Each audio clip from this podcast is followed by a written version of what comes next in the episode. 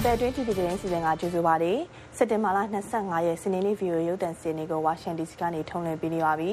ကျမတို့ရဲ့စီစဉ်တွေကိုဂျိုဂျူးဆလောင်းကထုံးလွှင့်မှုတွေအပြင် VOA မြန်မာပိုင်း Facebook စာမျက်နှာကနေလည်းတက်ရကြည့်ရှုနိုင်ပါတယ်ဒီကနေ့မှာတော့ပြီးခဲ့တဲ့ဘက်အတွင်းမြန်မာနိုင်ငံမှာဖြစ်ခဲ့တဲ့တဲ့နေ့အပြင်နောက်ပိုင်းမှာတွေးဆုံမြင်မြန်ကိုလည်းတင်ဆက်ပေးသွားပါမယ်။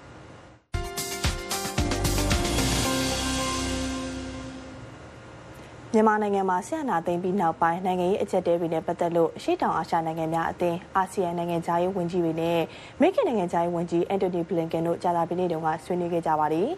မြန်မာနိုင်ငံမှာအကြမ်းဖက်လုပ်ရက်တွေကိုအဆုံးသတ်အောင်စစ်တပ်ကိုဖိအားပေးဖို့နဲ့အာဆီယံရဲ့မြန်မာနိုင်ငံဆိုင်ရာဘုံသဘောတူညီချက်9ရပ်ကိုလိုက်နာဖို့အရေးတကြီးဆောင်ရွက်ရမယ့်ကိစ္စတွေကိုထည့်သွင်းဆွေးနွေးခဲ့တဲ့အကြောင်းအမေရိကန်နိုင်ငံသားရေးဝန်ကြီးဌာနကကြေညာချက်ထုတ်ပြန်ခဲ့ပါတယ်။ဒီအစည်းအဝေးကိုစစ်ကောင်စီကခန့်အပ်ထားတဲ့နိုင်ငံသားရေးဝန်ကြီးဦးဝဏမောင်လွင်အွန်လိုင်းကနေတက်ရောက်ခဲ့ပါတယ်။ အဲ့ဒီကြာသပတေးနေ့မှာပဲအမေရိကန်နိုင်ငံသားဝန်ကြီးဌာနအတိုင်ပင်ခံအရာရှိ Derek Chollet ကလည်းကုလသမဂ္ဂဆိုင်ရာမြန်မာတမန်ကြီးဦးကျော်မှုထွန်းနဲ့နယူးယောက်မြို့မှာတွေ့ဆုံဆွေးနွေးခဲ့ပြီးတော့ NUG အမျိုးသားညီညွတ်ရေးအစိုးရရဲ့နိုင်ငံသားရေးဝန်ကြီးဒေါ်စင်မအောင်လူခွင့်ရေးဝန်ကြီးဦးအောင်မျိုးမင်းအပြင် NUG ကိုယ်စားလှယ်တချို့ကအွန်လိုင်းပေါ်ကနေပါဝင်ဆွေးနွေးခဲ့ကြပါတယ်။ မြန်မာနိုင်ငံမှာဒီမိုကရေစီနဲ့တရားဥပဒေစိုးမိုးမှုအမြဲဆုံးပြန်လည်ပေါ်ပေါက်လာဖို့အရေးကြီးတယ်လို့တိုင်းရင်းသားအားလုံးနဲ့ဘာသာရေးအဖွဲ့ဝင်တွေအားလုံးအတွက်အပါအဝင်မြန်မာနိုင်ငံမှာလူခွင့်ရေးနဲ့ဒန်းတူညီမျှမှုတွေကိုလေးစားလိုက်နာရေးကအရေးကြီးတဲ့အကြောင်းတွေကိုအလေးထားဆွေးနွေးခဲ့ကြတယ်ဆိုပြီးတော့ရန်ကုန်အမေရိကန်တန်ယုံရဲ့ထုတ်ပြန်ချက်မှာပြောဆိုထားပါတယ်။ အခုဆက်ပြီးတော့ပြီးခဲ့တဲ့ရက်ပိုင်းတွေအတွင်းမြန်မာနိုင်ငံနဲ့ပတ်သက်တဲ့ဖြစ်ထွန်းမှုသတင်းတွေတိုင်းရင်းသားဒေသနဲ့ကိုဗစ်ကူးစက်မှုအခြေအနေဒီလိုတစ်ပတ်အတွင်းသတင်းတွေကိုစူးစီးပြီးတော့နန်းလောင်နဲ့ကိုရင်ခန့်မောင်တို့ကဆက်ပြီးတော့ပြောပြပေးပါမယ်ရှင်မြန်မာနိုင်ငံမှာပြည်တွင်းစစ်ကြီးဖြစ်မလာအောင်ဝိုင်းဝန်းတားဆီးဖို့လူအခွင့်အရေးမဟာမင်းကြီးကဆွစ်ဇာလန်နိုင်ငံဂျင်နီဗာမြို့မှာကျင်းပနေတဲ့48ကြိမ်မြောက်ကုလသမဂ္ဂလူအခွင့်အရေးကောင်စီမှာတိုက်တွန်းပြောကြားသွားပါတယ်။ Human rights situation in Myanmar has deteriorated significantly. စစ်ဟာဏာသိမ်းမှုရဲ့တက်ရောက်မှုပြင်းထန်လွန်းပါတယ်။လူသက်တွေနဲ့မျှော်လင့်ချက်တွေပြင်းပြင်းထန်ထန်ပျက်စီးနေရတာကြောင့်အရင်တစ်ခါကျမလူခွင့်ရေးကောင်စီကိုနောက်ဆုံးအစီရင်ခံပြီးချိန်ကလေးကမြန်မာနိုင်ငံရဲ့လူခွင့်ရေးအခြေအနေဟာကြီးကြီးမားမားကိုစုပ်ယုပ်လာနေပါတယ်။စစ်ပွဲပြိပခါတွေစင်ရမွဲတည်မှုတွေကိုဗစ်ကပ်ဘေးဒဏ်တွေကတဟုန်ထိုးကြီးမားလာပြီးတိုင်းပြည်ကဖိနှိပ်မှုအကြမ်းဖက်မှုနဲ့စီးပွားရေးချွတ်ချုံကြမှုဝဲကြရကြီးတဲ့ရောက်သွားပါပြီ။ လက်နက်ကင်ခုခံစစ်ပွဲတွေပေါ်ပေါက်နေတာကြောင့်မြန်မာနိုင်ငံမှာပြည်တွင်းစစ်ပွဲကြီးဖြစ်လာနိုင်တဲ့စိုးရိမ်စရာအခြေအနေဖြစ်နေတာကိုလည်းထောက်ပြသွားပါတယ်။ဒါကြောင့်ဂျာကာလာအမျိုးသားညီညွတ်ရေးအစိုးရ NUG အပါအဝင်ဖက်ပေါင်းစုံပါဝင်တဲ့နိုင်ငံရေးနည်းလမ်းနဲ့အဖြေရှာနိုင်ရေးလုံခြုံရေးကောင်စီအနေနဲ့တက်တက်ကြွကြွထောက်ခံပံ့ပိုးပေးဖို့လည်းတိုက်တွန်းခဲ့ပါတယ်။မြန်မာအရေးအာဆီယံအဖွဲ့ရဲ့ကြိုးပမ်းဆောင်ရွက်တဲ့ကိစ္စမှာလည်းဩဇာညောင်းတဲ့ကုလသမဂ္ဂအဖွဲ့ဝင်နိုင်ငံတွေကအရေးပေါ်ဝိုင်းဝန်းဆောင်ရွက်ဖို့ ထိမ့်မနိုင်သိမ့်မရဖြစ်နေတဲ့အကြံဖက်မှုတွေရပ်သွားအောင်ဆွဲဆောင်တဲ့နည်းဒဏ်ခတ်တဲ့နည်းတွေတုံ့တယ်လို့ကော်မရှင်နာမင်းကြီးပါရှိလက်ကအကြံပြုခဲ့ပါတယ်။မြန်မာနိုင်ငံထဲကလူအခွင့်အရေးစိုးစိုးဝါးချိုးဖောက်ခံရတဲ့အခြေအနေတွေကိုမှတ်တမ်းတင်ထားတဲ့အစီရင်ခံစာကိုလူအခွင့်အရေးကောင်စီကိုစက်တင်ဘာ23ရက်နေ့ကတင်ပြချိန်မှာအဲဒီလိုပြောဆိုသွားတာဖြစ်ပါတယ်။ မြန်မာနိုင်ငံက အာဏာသိမ်းစစ်ကောင်စီကို နိုင်ငံတကာအနေနဲ့ အတူပူးပေါင်းပြီး ပြင်းထန်တဲ့ရေးယူတန်းခတ်မှုတွေ လုပ်သွားဖို့ မြန်မာလူခွင့်ရေးဆိုင်ရာ ကုလသမဂ္ဂ အထူးကိုယ်စားလှယ် Tom Andrews က ကျင်းပနေတဲ့ ကုလသမဂ္ဂ လူခွင့်ရေးကောင်စီမှာ တိုက်တွန်းသွားပါတယ်။မြန်မာနိုင်ငံအပေါ် လက်နက်နဲ့ဤပညာပိုင်း ပေးပို့ရောင်းချမှုတွေ ရပ်တန့်ကြဖို့လည်း သူက ပြင်းပြင်းထန်ထန် တိုက်တွန်းပါတယ်။မြန်မာနိုင်ငံမှာဖက်ဖက်က ယိုယွင်းကျဆင်းလာတဲ့ အခြေအနေကို ဟန်တာဖို့ နိုင်ငံတကာအတိုင်းဝိုင်းရဲ့ လက်ရှိကြိုးပမ်းမှုတွေဟာ လက်တွေ့အလုံးမဖြစ်တာသိကြပါတယ်။ ဒါကြောင့်လည်းလမ်းကြောင်းပြောင်းကြိုးပမ်းဖို့လိုအပ်နေပါပြီလို့ဆွစ်ဇာလန်နိုင်ငံဂျနီဖာမြို့မှာကျင်းပတဲ့ကုလသမဂ္ဂလူ့အခွင့်အရေးကောင်စီဗုဒ္ဓဦးနေ့အစည်းအဝေးမှာကုလသမဂ္ဂရဲ့မြန်မာနိုင်ငံလူ့အခွင့်အရေးဆိုင်ရာထူးကိုယ်စားလှယ်တိုအမ်ဒရူးစ်ကမြန်မာနိုင်ငံရဲ့လူ့အခွင့်အရေးအခြေအနေနဲ့ပတ်သက်ပြီးဗီဒီယိုကတဆင့်အစီရင်ခံတင်ပြသွားတာပါမြန်မာနိုင်ငံတွင်လူ့အခွင့်အရေးအခြေအနေဟာပိုဆိုးလာနေပြီးလက်နက်ကိုင်ပြိပခါတွေပိုပြီးကျယ်ပြန့်လာတယ်လို့လည်းလူ့အခွင့်အရေးထူးကိုယ်စားလှယ်ကပြောပါတယ်။ ဒါအပြင်ကျန်းမာရေးဝန်ထမ်းတွေကိုအရေးယူနေတာတွေကိုထောက်ပြီးမြန်မာပြည်ကကျန်းမာရေးပြဿနာကြီးဟာဒေတာရင်းမှာရိုက်ခတ်နိုင်တယ်လို့တတိပေးပါတယ်မြန်မာနိုင်ငံအရေးနိုင်ငံတကာကချက်ချင်းအရေးယူဆောင်ရွက်ကြဖို့နဲ့နောက်ကျတာနဲ့အမျှအသက်တွေထပ်ပြီးဆုံးရှုံးလိမ့်မယ်လို့လည်းအရင်ကုလသမဂ္ဂလုံခြုံရေးကောင်စီအစည်းအဝေးမှာပြောခဲ့တာကိုအခုလူ့ခွင့်ရေးကောင်စီမိန့်ခွန်းအဆုံးမှာသူကထပ်လောင်းပြောဆိုခဲ့ပါတယ်။ သူ့ရဲ့အစီရင်ခံစာအပြည့်အစုံကို နယူးယောက်မြို့မှာ ကျင်းပနေတဲ့ ကုလသမဂ္ဂထွေထွေညီလာခံမှာလည်း အော်တိုဘာလထဲ လူကိုယ်တိုင်တင်ပြဖို့ရှိတယ်လို့ VOA မြန်မာပိုင်းကို Tom Andrews ကပြောပါတယ်ခင်ဗျာ စစ်အာဏာသိမ်းပြီးတဲ့နောက်ပိုင်း မြမပြည်တွင်အကြက်အကျဲကို ဝိုင်းဝန်းဖြည့်ရှင်းမှုကြိုးပမ်းနေတဲ့ အရှိတောင်အာရှနိုင်ငံများအသင်း အာဆီယံအဖွဲ့ဝင် အင်ဒိုနီးရှားနိုင်ငံကလည်း မြမအရေးကို ကမ္ဘာဘုံလုပ်ငန်းစဉ်တရအဖြစ် ချမှတ်လုပ်ကိုင်ဖို့ တိုက်တွန်းခဲ့ပါတယ်။ အမေရိကန်ပြည်ထောင်စု နယူးယောက်မြို့မှာကျင်းပနေတဲ့ ကုလသမဂ္ဂ အထွေထွေညီလာခံမှာ အင်ဒိုနီးရှားသမ္မတ ဂျိုကိုဝီဒိုဒိုက သူ့မိန့်ခွန်းထဲမှာ အဲဒီလို ထည့်သွင်းပြောဆိုသွားတာပါ မြန်မာအရေး အာဆီယံက ဘုံသဘောတူညီချက်9ရက်ချမှတ်ထားပေမဲ့ဒါကို အကောင့်ထဲဖော်နိုင်ဖို့ မြန်မာစစ်တပ်ကတုကတိအတိုင်း ဆောင်ရွက်ဖို့လိုတယ်လို့လည်း ပြောဆိုသွားပါတယ်။ ကုလလုံခြုံရေးကောင်စီမှာရောကုလသမဂ္ဂထွေထွေညီလာခံမှာပါမြန်မာအရေးအခုလိုထည့်သွင်းဆွေးနွေးနေကြချိန်မှာပဲမြန်မာနိုင်ငံတွင်းမှာတော့စစ်ကောင်စီနဲ့နှိစက်သူတွေစစ်ကောင်စီတည်င်းပဲလို့ဆွဆွဲခံရသူတွေနဲ့စစ်ကောင်စီကခန့်အပ်ထားတဲ့အုပ်ချုပ်ရေးမှုတွေတပ်ဖြတ်ခံရတာတွေလည်းကြားနေရသလိုဘုံကွဲတာတွေဆန္ဒပြတာတွေနဲ့အဖမ်းအဆီးတည်င်းတွေကလည်းဆက်တိုက်ပေါ်ပေါက်နေပါတယ်စကိုင်းတိုင်းမင်းကင်မြို့နယ်ထဲမှာစစ်တပ်ကအင်အားတိုးချဲ့နေသလိုကျေးရွာတချို့လည်းမီးလောင်ကျွမ်းတာတွေဆက်ရှိနေပါတယ်။မီးလောင်တာဟုတ်တယ်ကြည်ကုန်းရွာဆယ်ရက်ဟိုဘက်က ဒီကဒူးမစခန်းဘက်ကရဲတွေရောတရေစကဘက်ကရဲတွေရောတနက်တွေဖောက်ပြီးတော့ထွက်သွားကြတယ်။ဟိုရောက်တဲ့ခါကျတော့မီးရှို့တာ။ကျော်ကျော်သားတွေဘယ်သူမှမရှိဘူးအကုန်လုံးရွာမှာမနေရပြေးကြတယ်လို့လာတော့မင်းကင်းဖက်ကကြေးရွာတွေမှာစစ်တပ်ကမကြာခဏဆိုသလိုဝင်ရှာပြီးတော့ဒေသခံ PDF တွေနဲ့တိုက်ပွဲတွေဖြစ်နေပြီးစစ်တပ်ကိုမိုင်းဆွဲတိုက်ခိုက်တာကြောင့်ထိခိုက်ဒေဆုံးတာတွေလည်းရှိနေတာပါ မြန်မာနိုင်ငံမှာ အင်တာနက်လွတ်လပ်ခွင့်က မကြုံဘူးလောက်အောင် အဆိုးဆုံးအဆင့်ကို ရောက်သွားပြီလို့ Freedom House ဖွဲ့က ဒီနှစ်ထုတ် အစီရင်ခံစာမှာ ဖော်ပြပါရယ်။ American ခြေဆိုင်နိုင်ငံတကာလွတ်လပ်မှုစောင့်ကြည့်ရေး Freedom House ရဲ့ အစီရင်ခံစာမှာ မြန်မာအင်တာနက်လွတ်လပ်ခွင့်အခြေအနေကိုခုလို ဖော်ပြလိုက်တာပါ။စေအုပ်ချုပ်ရေးကောင်စီ အာဏာသိမ်းပြီးနောက်ပိုင်း အင်တာနက်တွေ ကန့်သက်ပိတ်ပင်တာ လူမှုကွန်ရက် အသုံးပြုတွေ စောင့်ကြည့်တာ လွတ်လပ်တဲ့ သတင်းဌာနတွေရဲ့ လုပ်ငန်းလုပ်ကင်ခွင့် လိုင်စင်တွေ ရုပ်သိမ်းတာတွေ လုပ်ခဲ့ပါတယ်။ Freedom House အစီရင်ခံစာထဲမှာပါသလို အင်တာနက်တွေကန့်သက်လိုက်တာအပြင်အင်တာနက်ကိုစောင့်ကြည့်တာနိုင်ငံခြားနည်းပညာတွေသုံးပြီးအင်တာနက်ပေါ်ကတဆင့်သတင်းအချက်အလက်တွေဖောက်ယူတာတွေလှုပ်လာတာကြောင့်လည်းသတင်းသမားတွေရဲ့လုံခြုံရေးထိခိုက်မှုရှိတယ်လို့သတင်းသမားတွေကိုအမှုလိုက်ပေးနေတဲ့တရားလွှတ်တော်ရှေ့နေတူကပြောပါတယ်မြန်မာပြည်သူတွေနဲ့အာဏာသိမ်းဆန့်ကျင်လှုပ်ရှားမှုတွေကိုထိန်းချုပ်နိုင်ဖို့အင်တာနက်အသုံးပြုသူတွေရဲ့အချက်အလက်တွေပေးအပ်ဖို့တယ်လီကွန်ဆက်သွယ်ရေးကုမ္ပဏီတွေကိုဖိအားပေးနေတာစတဲ့လုပ်ရက်တွေကိုလည်းလုပ်ခဲ့တယ်လို့ Freedom House အဖွဲ့ကထောက်ပြထားပါတယ်။ ဆန္ဒပြသူတွေသာမကအင်တာနက်အသုံးပြုနေတဲ့တာမန်သူတွေပါအွန်လိုင်းမှာပြောဆိုရေးသားတာတွေကြောင့်နှိမ့်ဆက်ညှဉ်းပန်းခံရတာလက်ဆဖြောက်ခံရတာတွေရှိခဲ့တယ်လို့ Freedom House အဖွဲ့ရဲ့အစီရင်ခံစာမှာဖော်ပြထားပါတယ်။အခုလောဆယ်မြန်မာနိုင်ငံလှည့်ပိုင်းနဲ့ကချင်ပြည်နယ်ကမြို့နယ်၁၀ခုမှာစစ်ကောင်စီကအင်တာနက်ဖြတ်တောက်ထားပြီးတခြားဒေသတချို့မှာလည်းအင်တာနက်လှိုင်းတွေနှေးကွေးတဲ့အခြေအနေနဲ့ရင်ဆိုင်နေကြရပါတယ်။ ဒေါ်အောင်ဆန်းစုကြည် ဦးဝင်းမြင့်နဲ့ ဒေါက်တာမျိုးအောင်တို့ကို အများပြည်သူတည်ငြိမ်အေးချမ်းမှု ပျက်ပြားစေအောင်လှုံ့ဆော်မှုဆိုတဲ့ ရာဇသတ်ကြီးဥပဒေပုံမှ905ခခွေနဲ့ တရားရုံးက စက်တင်ဘာ21ရက်နေ့မှာဆွဲချက်တင်လိုက်ပါတယ်။ဒီလိုဆွဲချက်တင်လိုက်တာနဲ့ပတ်သက်ပြီးတော့အစဉ်စဉ်အယူခံဝင် ပယ်ဖျက်နိုင်ဖို့ ကြိုးစားမယ်လို့ သူရှေ့နေတွေက ပြောပါတယ်။အမှုပေါင်း17မှုနဲ့ ရင်ဆိုင်နေရတဲ့ ဒေါ်အောင်ဆန်းစုကြည်ရဲ့ အမှုတွေထက်ကပုံမှ905ခခွေနဲ့ဆွဲထားတဲ့အမှု တမှုကို နေပြီးတော့အထူးတရားရုံးကဆွဲချက်လက်ခံလိုက်တာပါ။ ဒေါ်အောင်ဆန်းစုကြည်အပါအဝင်အမှုတွေ၃ဦးစလုံးကတော့ဒီအမှုမှာအပြစ်မရှိကြောင်းတရားရုံးကိုတုံ့ပြန်ထားတယ်လို့ဒေါ်အောင်ဆန်းစုကြည်ရဲ့ရှေ့နေသူဖြစ်တဲ့ဒေါ်မင်းမင်းစိုးက VOA ကိုပြောပါတယ်။ဒေါ်အောင်ဆန်းစုကြည်ကိုစက်တင်ဘာ28ရက်နေ့မှာနောက်တစ်ကြိမ်ရုံးထုတ်မှာပါ။တခါဒေါ်အောင်ဆန်းစုကြည်ရဲ့စီးပွားရေးအကြံပေးဩစတြေးလျနိုင်ငံသားရှွန်တာနာနဲ့အစိုးရအဖွဲ့ဝင်ဟောင်း၃ဦးတို့အတူရင်ဆိုင်နေရတဲ့မြန်မာနိုင်ငံအစိုးရလျှို့ဝှက်ချက်အက်ဥပဒေပုံမှ3တစ်ဂငယ်အမှုကိုစက်တင်ဘာ23ရက်နေ့ကနေပြည်တော်ဒက္ခိဏသီရိတရားရုံးမှာစစ်ဆေးခဲ့ပါတယ်။ ဒီအမှုကိုအစောပိုင်းကရန်ကုန်မှာရုံးတင်စစ်ဆေးခဲ့တာဖြစ်ပြီးနေပြည်တော်မှာပထမဆုံးအကြိမ်အဖြစ်နဲ့ပြောင်းရွှေ့စစ်ဆေးတာပါဒီအမှုမှာဒေါအောင်ဆန်းစုကြည်နဲ့ရှွန်တာနဲ့အပါဝင်စီမံဘဏ္ဍာဝန်ကြီးဟောင်းတွေဖြစ်ကြတဲ့ဦးစိုးဝင်းဦးကျော်ဝင်းနဲ့ဒုဝန်ကြီးဦးဆက်အောင်တို့ကိုပါတရားစွဲဆိုထားတာဖြစ်ပါတယ် နိုင်ငံတကာသတင်းတွေကိုတင်ဆက်ပေးပါမယ်။ကမ္ဘာစင်ခုံမှုတွေကိုနိုင်ငံတွေကလက်တွဲဖြေရှင်းဖို့ကုလသမဂ္ဂညီလာခံမှာသမ္မတဘိုင်ဒန်ကတိုက်တွန်းသွားပါတယ်။ရုရှားရွေးကောက်ပွဲမှာတော့ပူတင်ကိုထောက်ခံတဲ့လက်ရှိအာဏာရပါတီကအမဲအများဆုံးရသွားပါတယ်။ဒီလိုဒီဒီသိန်းဘက်အတွင်းကထိတ်တန့်ရောက်သတင်းတွေကိုဆက်ပြီးတော့ပြောပြပေးချင်ပါတယ်။ ဒီသတင်းပတ်အတွင်းမှာ86ကြိမ်မြောက်ကုလသမဂ္ဂနှစ်ပတ်လည်ညီလာခံကိုအမေရိကန်ပြည်အောင်စုနယူးယောက်မြို့မှာကျင်းပခဲ့ပြီးတော့ကိုဗစ်ကရောဂါကြားကပဲကမ္ဘာခေါင်းဆောင်အယောက်တရာလောက်တက်ရောက်ခဲ့ကြပါတယ်။လူကိုယ်တိုင်တက်ရောက်တဲ့ကမ္ဘာခေါင်းဆောင်တွေကိုယ်စားလှယ်တွေရှိသလိုတချို့ကလည်းဗီဒီယိုကနေတစ်ဆင့်မိန့်ခွန်းပြောခဲ့ကြပါတယ်။ COVID-19 ကပ်ဘေးရောဂါအမြင့်ဖြုတ်တိုက်ဖြတ်ရေးဥရိယာတိပြောင်းလဲမှုတိုက်ဖြတ်ရေးလူ့ခွင့်ရေးဒီမိုကရေစီနဲ့နိုင်ငံတကာစီးမင်းစည်းကမ်းတွေကိုလိုက်နာရေးကာကွယ်စောင့်ရှောက်ရေးတို့ကိုအမေရိကန်သမ္မတဂျိုးဘိုင်ဒန်နဲ့ကုလသမဂ္ဂဆိုင်ရာအမေရိကန်တပ်မကြီးလင်ဒါသောမတ်ဂရင်းဖီတို့ကဦးစားပေးဆွေးနွေးခဲ့ကြပါတယ်။လူကိုယ်တိုင်တက်ရောက်ပြီးတော့အဖွင့်မှာစကားပြောခဲ့တဲ့အမေရိကန်သမ္မတဂျိုးဘိုင်ဒန်ကနှစ်ပေါင်း20ကြာအာဖဂန်စစ်ပွဲအဆုံးသတ်ပြီးတော့အမေရိကန်တပ်တွေပြည်ရုပ်သိမ်းဖို့ဆုံးဖြတ်ချက်နဲ့ပတ်သက်လို့လည်းကာကွယ်ပြောဆိုသွားခဲ့တာပါ။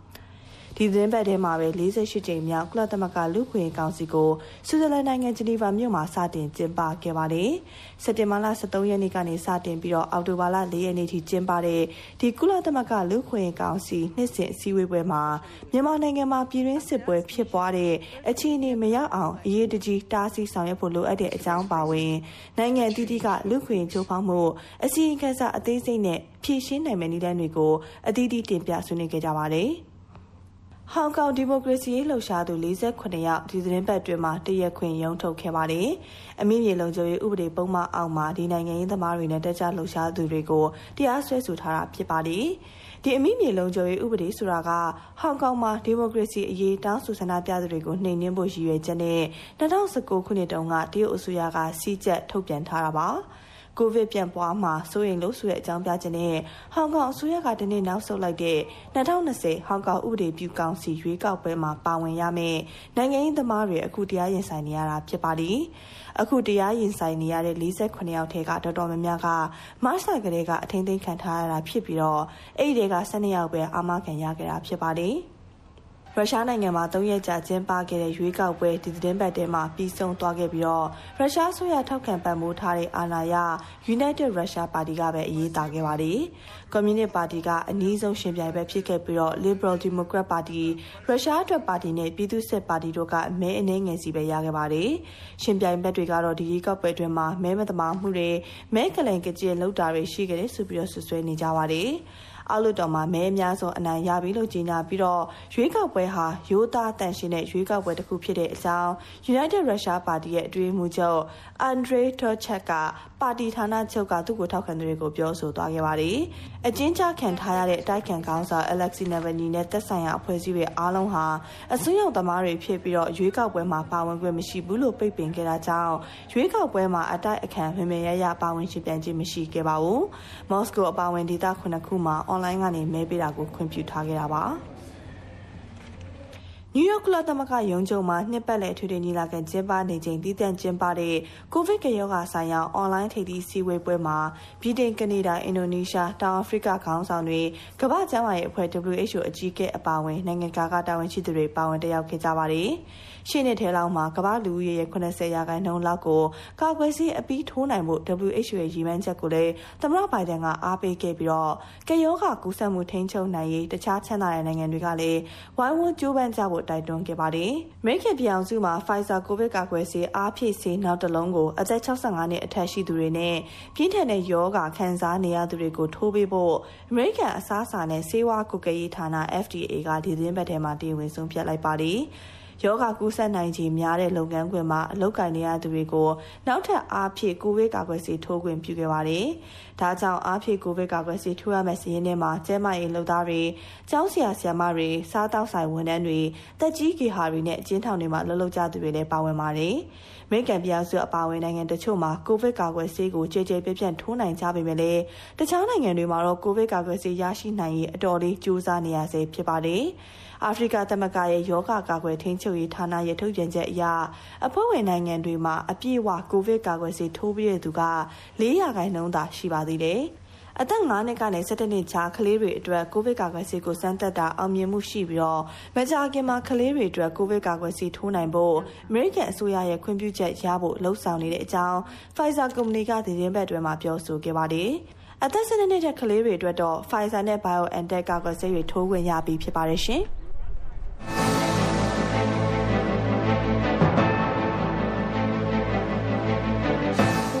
ဆက်သွယ်မြမြကန်ကိုတင်ဆက်ပေးပါမယ်။မြန်မာနိုင်ငံမှာဒီတစ်ခေါက်ဆီယနာသိမ်းမှုဟာမြန်မာအမှုပညာလောကကိုအညွန့်ချိုးလိုက်တာလေးဖြစ်တယ်ဆိုပြီးတော့အမေရိကန်ပြည်အောင်စုရောက်ရုပ်ရှင်မင်းသမီးခရစ်စီအောင်ကပြောပါတယ်။ပြည်သူတွေနဲ့လက်တွဲပြီးတော့စစ်အာဏာရှင်ကိုစန့်ကျင်တဲ့အမှုပညာရှင်တွေဟာအမှုပညာလုပ်ငန်းတွေကိုဆက်လုပ်လို့မရဘဲနဲ့ထွက်ပြေးပုန်းရှောင်နေရပြီးတော့မိသားစုတွေပါတကွဲတပြားဖြစ်ဒါတွေအားလုံးကစစ်အာဏာသိမ်းမှုရဲ့ရလဒ်ဖြစ်တယ်ဆိုပြီးတော့သူကပြောပါတယ်။ အမေရိကန်အနောက်ချမ်း LA မြို့ကမြန်မာရုပ်ရှင်မင်းသမီးခရစ်စီအောင်ကိုမင်းကျင်နိုင်ကဆက်သွယ်မြင်မြန်ထားပါတယ်ရှင်။ ဟုတ်ကဲ့ခရစ်စီအနေနဲ့ကျမတို့အခုလိုချိန်ပေးပြီးတော့ပေါ့နော်အာအင်တာဗျူးပေးတဲ့အတွက်ကျေးဇူးတင်ပါတယ်ခရစ်စီကိုပထမဆုံးမေးချင်တာကကိုကဟို transgender အာဒီမင်းသမီးတအုပ်ပေါ့နော်အခုဒီ American နိုင်ငံမှာအခြေစိုက်တဲ့ဒီအဲ့လိုရုပ်ရှင်ထဲမှာပါဝင်တရုပ်ဆောင်နေတဲ့အမှုပညာရှင်တအုပ်အနေနဲ့ဟိုကျမတို့မေးချင်တာကအခုဒီရက်ပိုင်းနေအတွင်းမှာပေါ့နော်ဂျာမနီနိုင်ငံမှာအာဒီပြသတဲ့ဒီနိုင်ငံတကာရုပ်ရှင် ပွဲပေါ့လေအဲ့ဒီမှာမြန်မာနိုင်ငံကဒီရုပ်ရှင်ကားဒီနာမည်ကြီး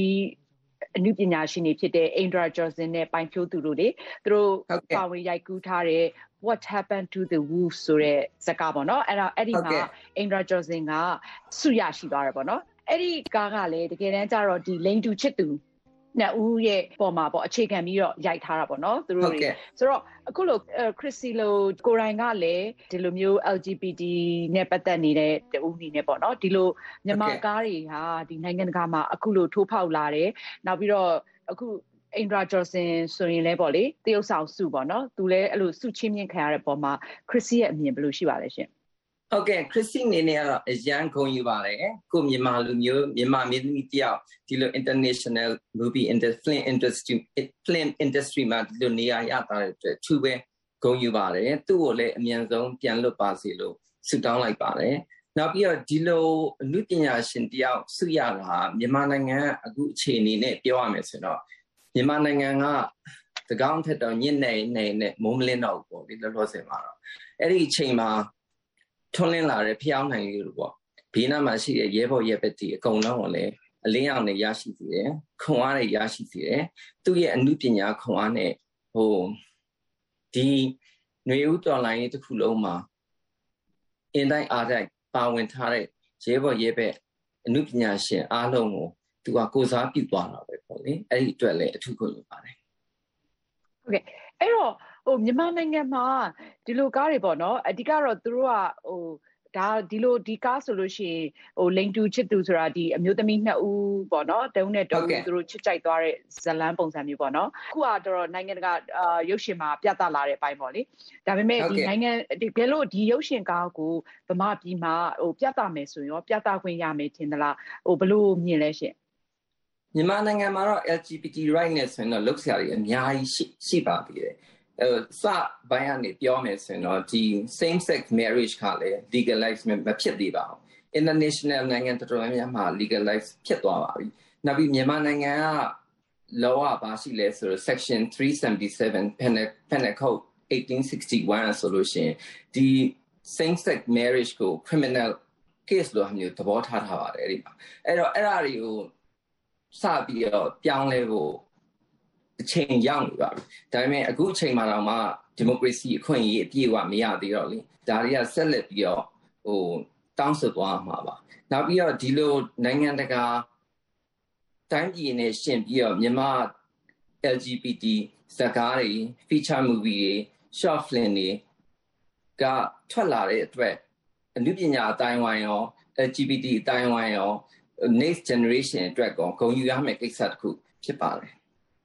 အဲ့တော့ဒီမြန်မာနိုင်ငံမှာဆိုလို့ရှိရင်ပေါ့နော်ဒီလိုရုပ်ရှင်အမှုပညာအဲတွေအနေနဲ့အဲ့လိုထိုးထိုးပေါက်ပေါက်နဲ့စူးစမ်းလာတယ်နိုင်ငံတကာကိုလည်းပေါက်မြောက်ဖို့ပေါ့နော်အခုဆို director တွေကိုယ်တိုင်ကလည်းစူးစမ်းနေတဲ့အပိုင်းမှာအဲတစ်ဖက်မှာလည်းဆရာနာသိမ့်လိုက်ပြီးတဲ့အချိန်မှာအာအခုဒီအမှုပညာရှင်တွေကိုပေါ့နော်သူတို့ဖန်ဆီးထားတာတွေ အဲအင်ဒရာကျော်စင်ပါဝင်ပေါ့နော်ဖန်ဆီးခံထားတာတွေနောက်ပိုင်ပြိုးသူတို့ဆိုလို့ရှင်လဲအဲသူတို့ဟိုဖန်ဝရန်ထုတ်ခံထားရတဲ့အတွက်ပေါ့နော်ဒိုင်တာနာကြီးတို့ဆိုရင်လည်းပုံရှောင်နေရတာတွေပေါ့လေဆိုတော့အဲ့လိုအနေထားမှာဒီအမှုပညာတွေအတွက်ဘယ်လောက်ထိညင်နာမှုတွေရှိနေလဲရှင်အမှုပညာတွေကတော့အနစ်နာဆုံးလို့ပြောရမှာပဲလေဥဆောင်ခဲ့တဲ့အမှုပညာရှင်တော်တော်များသူတို့ဘဝလုံးကိုဒီဘဝလုံးကိုပေးဆက်လိုက်ရပါတယ်မိသားစုနဲ့လည်းခွဲရတယ် ဟိုအိုးပြအိမ်ပြပေါ့လေအဲ့လိုအခြေအနေရောက်သွားတာပေါ့နောက်ပြီးတော့ကိုလိုမင်းနဲ့ခရစ်စီယာလည်းဆန်ဖရန်စစ္စကိုမှာပြီးခဲ့တဲ့လုံခဲ့တဲ့၃နှစ်ကမြစ်တာဖလင်မှာတူတူရိုက်ခဲ့တဲ့ရုပ်ရှင်ဟိုရုပ်ရှင်မင်းသားဖြစ်ပါတယ်ကိုကိုလိုမင်းကအဲ့တော့သူစီကလည်းတင် जा ရရတာဒါတွေအများကြီးရှိပါတယ်အဲ့တော့နောက်တစ်ခုကဘာလဲဆိုတော့ဒီလိုဟိုအနုပညာရန်ကုန်မှာဘယ်လိုဖြစ်နေဆိုတော့အခုဟာဘာမှအနုပညာရှင်တွေအတွက်လှုပ်ရှားစရာဘာမှမရှိတော့ အဲ့တော့ဒီအနုပညာကြီးတစ်ခုလုံးကရက်တန့်သွားတဲ့သဘောပေါ့လေလောလောဆယ်မှာအဲ့လိုဖြစ်နေတာပေါ့အဲ့တော့ဒီအနုပညာတစ်ခုလုံးကိုပြန်လဲအသက်ရှင်အောင်လုပ်ဖို့ဆိုတာလေဒီတိုင်းပြည်ကောင်းမှာပဲဒီအနုပညာတစ်ခုလုံးကပြန်လဲအသက်ရှင်လာမှာပဲပေါ့အဲ့တော့ဒီအခုလောလောဆယ်ဒီဇိုင်းဒီလုံးတောင်းဆိုနေတဲ့တရားမျှတတဲ့ဒီမိုကရေစီကိုအမြန်ဆုံးရအောင်အမြန်ဆုံးရအောင်တောင်းဆိုအောင်မှာပဲပေါ့အဲ့လိုတောင်းဆိုပြီးအခြေအနေတွေအကုန်လုံး normalize ဖြစ်သွားမှာပဲ ဒီအနုပညာလုပ်ငန်းတွေအကုန်လုံးပြန်ဆလို့ရမှာပဲအဲ့လိုတော့ခရစ်စီမြင်ပါတယ်ခရစ်စီကိုရိုင်ကလည်းအခုဆိုရင်အာမင်းသမီးတဦးအနေနဲ့ပေါ့နော်ဟိုဝင်ပြီးတော့ရိုက်ထားတဲ့ကားတွေပေါ့အဲ့ဒီကားတွေကအခုနိုင်ငံတကာရုပ်ရှင်ပြပွဲတွေမှာလည်းအခုပေါ့နော်စပြီးတော့ပါဝင်ဖို့ရှိနေတဲ့ခါကြတော့ပေါ့နော်စင်းနေတဲ့မှာလည်းပါဝင်နေပြီဆိုတဲ့ခါကြတော့အဲ့ဒီအဲ့ဒီအခြေအနေရောပြပြပါအောင်ရှင်အော်ဟုတ်ကဲ့ရုပ်ရှင်ကားနာမည်ကတော့ imperfectly complete လို့ခေါ်ပါတယ် အဲ့ဒါတော့ဟိုခရစ်စီကအဓိကတရုပ်ဆောင်အနေနဲ့ပါဝင်ထားပါတယ်နောက်အဓိကတရုပ်ဆောင်ကတော့ဇော်မျိုးထက်ဖြစ်ပါတယ်ဒါရိုက်တာကတော့ Bruce Chu ဖြစ်ပါတယ် Bruce Chu က University of Southern California က Film School ကဟို graduate တယောက်လည်းဖြစ်ပါတယ်နောက်ပြီးတော့ဟိုအဲ့ဒီစကားကိုထုတ်လုပ်တဲ့လူကတော့ဝနမာကတ်မျိုးသိန်းရယ် Victor ရယ် Chrissy ရယ်ဖြစ်ပါတယ်အဲ့တော့ဒီကားရဲ့အဓိကရဲ့ဘာလဲဆိုတော့ဘာကို message ပေးခြင်းလဲဆိုတော့ဒီ LGBT ရဲ့ခံစားမှုတွေပေါ့နော် LGBT တယောက်တဲ့သူ့ရဲ့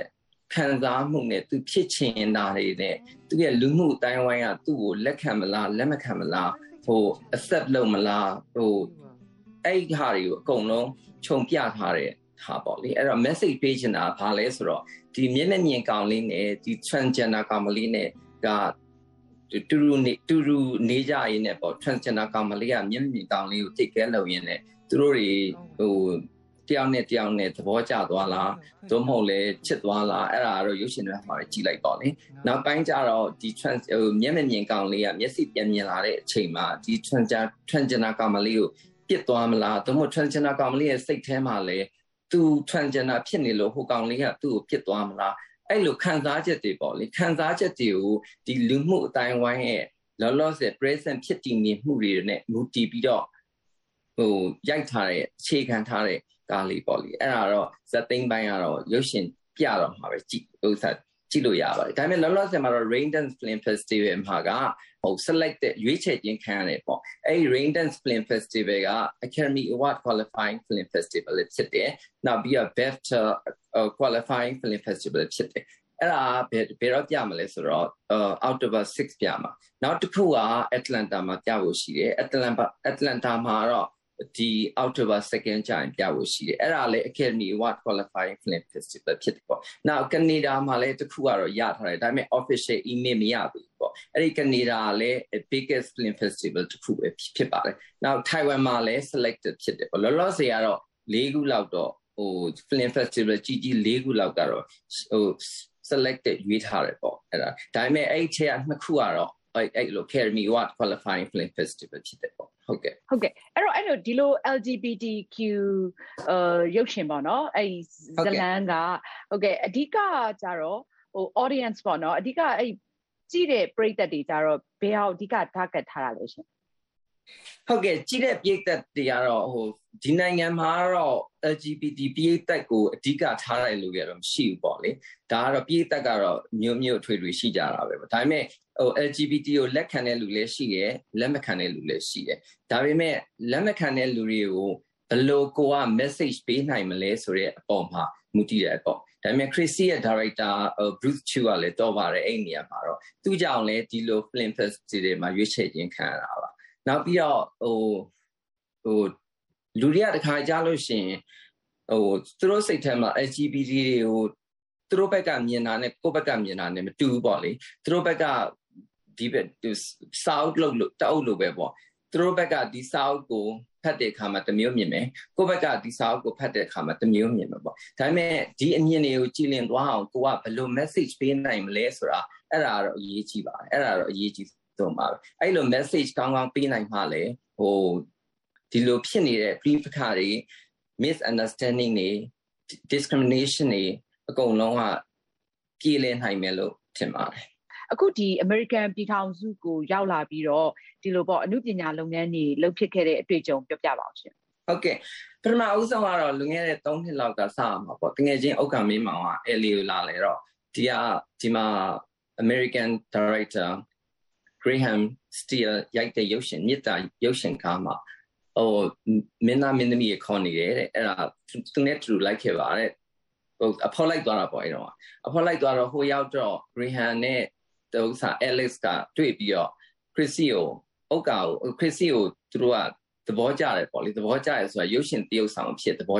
လုံးမလားဆိုပြီးသဘောကျတယ်ပေါ့အဲ့လိုသဘောမျိုးပေါ့ဒါပေမဲ့ဓာတ်ရိုက်မမေဘူးနောက်တစ်နေ့ကျမှဥက္ကာကနေသင်မိတယ်အဲ့တော့စိတ်ဝင်စားလားပေါ့စိတ်ဝင်စားလို့ရှိရင် audition တွေရှိတယ်ပေါ့အဲ့တော့ audition တွေကိုဝင်ပြိုင်ပါလားလို့သူက advice လုပ်တယ်အဲ့ director အဲ့တော့သူတို့လုပ်တဲ့ audition တွေမှာဒီနိုင်ငံအတွေ့အကြုံရှိတဲ့မင်းသားမင်းသမီးတွေလည်းပါတယ်အဲ့တော့အဲ့ဒီ audition တွေကိုဝင်ပြိုင်ရတာပေါ့ဝင်ပြိုင်တော့ကံကောင်းစာနဲ့ပဲကိုရသွားတယ်ပေါ့ ကိုရသွားတော့အဲ့ဒီကားမှာကအဓိကတရုပ်ဆောင်က academy trainer ပို့နောက်ပြီးတော့မင်းသားအဓိကတရုပ်ဆောင်က Chin Burmese American Chin actor ပေါ့လေ Gin ပြီးတော့ကိုလူမင်းက supporting actor Prisia supporting actress အဲ့ကားနဲ့ဆက်ရဖြစ်တာပေါ့အဲ့ကားကတော့ feature film ပေါ့လေဒါမြန်မာနဲ့ American နဲ့ပထမဦးဆုံးပေါင်းရိုက်တဲ့ joint feature film လို့လည်းပြောလို့ရတာပေါ့အဲ့ဒါကတော့လွန်ခဲ့တဲ့3နှစ်ကရိုက်ထားတယ်ရိုက်ပြီးတော့တို့က pandemic မတိုင်ခင်လေးတင်မှာနေဂျုံတင်မှုစဉ်းစားလိုက်သေးတယ်အဲ့တော့ဒါကတော့သူတို့ production ပိုင်းอ่ะလေ Chrissy တို့နဲ့တော့တိတ်ကြည့်တော့မဆိုင်ဘူးပေါ့ဒါပေမဲ့ pandemic ဖြစ်သွားတော့တင်လို့မရဘူးပေါ့ pandemic ဖြစ်ပြီးရဲ့နောက်ပိုင်းမှာဒီလိုနိုင်ငံရေးအခြေအနေဖြစ်တော့အခုလောလောဆယ်ကတော့ပြဖို့သူတို့အစီအစဉ်မရှိသေးဘူးနဲ့တူပါတယ်အခုဒီဆရာနာတင်ထားတဲ့မြန်မာနိုင်ငံမှာဒီအမှုပညာလုပ်ငန်းတွေပေါ့နော်ကားတဲ့တချိန်တို့ဟိုလောက်ကင်နေတဲ့လုပ်ငန်းတွေရဲ့ လုပ်ငန်းတွေကနေဆရာနာတင်လိုက်တဲ့အတွက်မြန်မာနိုင်ငံမှာဘလို့အပြောင်းလဲတွေဖြစ်သွားတယ်လို့မြင်လဲရှင်ဒါကတော့ရွှေရှင်လောကတစ်ခုလုံးရက်တန့်သွားတယ်လို့ထင်ပါတယ်။နုပညာလောကတစ်ခုလုံးလည်းရက်တန့်သွားလို့ထင်ပါတယ်။ဟိုရုပ်ရှင်မင်းသားမင်းသမီးတယောက်အနေနဲ့ရုပ်ရှင်မြိုက်လို့ရှိရင်သူတို့ဘေး income နဲ့ဆက်ပြီးတော့သူတို့စားဝတ်နေရေးအတွက်ရက်တည်မလဲပေါ့နော်။ဆိုတော့တယောက်ဆိုလဲတချင်းမဆိုရရင်ဒီလိုလို့သူတို့ရဲ့စားဝတ်နေရေးရက်တည်မလဲပေါ့တခြားစီးပွားရေးပိုင်းမရှိလို့ရှိရင်အဲ့တော့ဟို ညီမကြီးကိုအရင်တိုင်းပြန်လဲဖြစ်စေချင်ပါပြီအဲ့တော့ဒီမိုကရေစီအနှစ်သာရနဲ့ပြည့်ဝတဲ့နိုင်ငံကြီးကိုတိုင်းနဲ့ပြည်သားတိုင်းကလည်းလိုချင်နေကြပြီအနုပညာတိုင်းကလည်းလိုချင်နေနေနေနေကြပြီအဲ့ဒီအတွက်ကြောင့်အားလုံးမှာတာဝန်ရှိပါတယ်ပြည်သူတွေရောဒီအမေရိကမှာရောက်နေတဲ့မြန်မာပြည်သူတွေရောအနုပညာရှင်တွေရောအကုန်လုံးကဟိုစီတီလုံးလုံးနဲ့အားလုံးမှန်ကန်တဲ့တန်ဋိဌာန်တွေကြပြီးတော့ဆက်လက်ပြီးတော့တောင်းဆိုသွားမယ်ဆိုရင်တော့တစ်ချိန်ကြာရင်တော့ အောင်မြင်မယ်လို့ခရစ်စီယုံကြည်ပါတယ်ဟုတ်ကဲ့အဲ့တော့ခရစ်စတီလို့ပေါ့နော်အမေရိကန်မှာအခြေစိုက်တဲ့အမှုပညာရှင်တဦးအနေနဲ့အခုလက်ရှိမြန်မာနိုင်ငံမှာရင်ဆိုင်နေရတဲ့ဒီဆရာနာသိမ်းမှုကြောင့်ပေါ့နော်အခုလိုအပြောင်းလဲတွေဖြစ်လာတဲ့ချိန်ဒီမှာကောခရစ်စတီအနေနဲ့မြန်မာပြည်သက်တွေသိနိုင်ဖို့အတွက်အခွင့်အရေးတွေနော်မျှော်လင့်ချက်တွေရောရှိလားရှင်ဟုတ်ကဲ့ရှိပါတယ်ဒါကတော့တစ်ချိန်ကြားလို့ရှင်တော့ online platform ပဲအသုံးချမှာပဲပေါ့လေ online Facebook တို့ ဟို Zoom တို့ဘာတို့ Instagram တို့အဲ့ဒါတွေအသုံးချပြီးတော့ Chris ရဲ့ကားတွေကိုလည်းနောက်ပိုင်းမှာဒီဟာ Film Festival ရဲ့ rule ကသူတို့စီမှာအရင်ပြရတယ်လေသူတို့စီမှာအရင်ပြပြီးတော့ဒီကားတွေကို public ချပြလို့ရပါတယ် Chris အနေနဲ့ message တွေလည်းဟိုပေးပြပါမယ်နောက်ပြီးတော့ဒီနိုင်ငံမြန်မာပြည်မှာရှိတဲ့အနည်းပညာရှင်တွေရော LGBT တွေရောအကုန်လုံးဒီဒီနိုင်ငံမှာလာပြီးတော့ Chris လိုပဲဟိုအနည်း movie industry မှာတရုပ်ဆောင်ပဲလုပ်လို့ director ပဲလုပ်လို့ editor ပဲလုပ်လို့အဲ့လိုလုပ်ချင်တဲ့လူတွေအတွက်လည်းအခွင့်အရေးတွေပါတယ်ကိုနောက်ပိုင်းကြလို့ရှိရင် Chrissy လည်းရှင်းပြပါမယ်အဲ့တော့သူတို့လည်းအခွင့်အရေးတွေရစေချင်တယ်ဒီတိုင်းပြည်ကြောင့်အကုန်လုံးကနစ်နာနေတဲ့ဟာကိုထွက်ပေါက်တစ်ခုတော့အားလုံးရစေချင်ပါတယ်ဒါကတော့ American မှာအခြေစိုက်တဲ့ LGBTQ ဒီ transgender ပေါ့နော်ဖြစ်ရက်တည်နေတဲ့အဲအမှုပညာရှင် Chrissy ကို VOA ကဆက်သွယ်မေးမြန်းခဲ့တာပါရှင်ဟုတ်ကဲ့ Chrissy ခုလိုမျိုး VOA မြန်မာပိုင်းကိုအချိန်ပေးပြီးတော့ပေါ့နော်ဖြေချပေးတဲ့အတွက်ကျေးဇူးအများကြီးတင်ပါတယ်ရှင်ဟုတ်ကဲ့မိုင်းချင်းအခုလိုခရစ်စီကိုအချိန်ပေးပြီးတော့မေးမြန်းပေးလို့လည်းအထူးကျေးဇူးတင်ပါတယ် VOA ဝိုင်းတော့တူဝိုင်းတော့သားများအားလုံးကိုလည်းခရစ်စီကအထူးကျေးဇူးတင်ကြောင်းဒီညပြောချင်ပါတယ်တပည့်အတွင်း TV သတင်းစီစဉ်ကတော့ဒီလောက်ပါပဲ VOA စီနေကိုကြည့်ရှုခဲ့တဲ့အတွက်အထူးပဲကျေးဇူးတင်ပါတယ်ရှင်။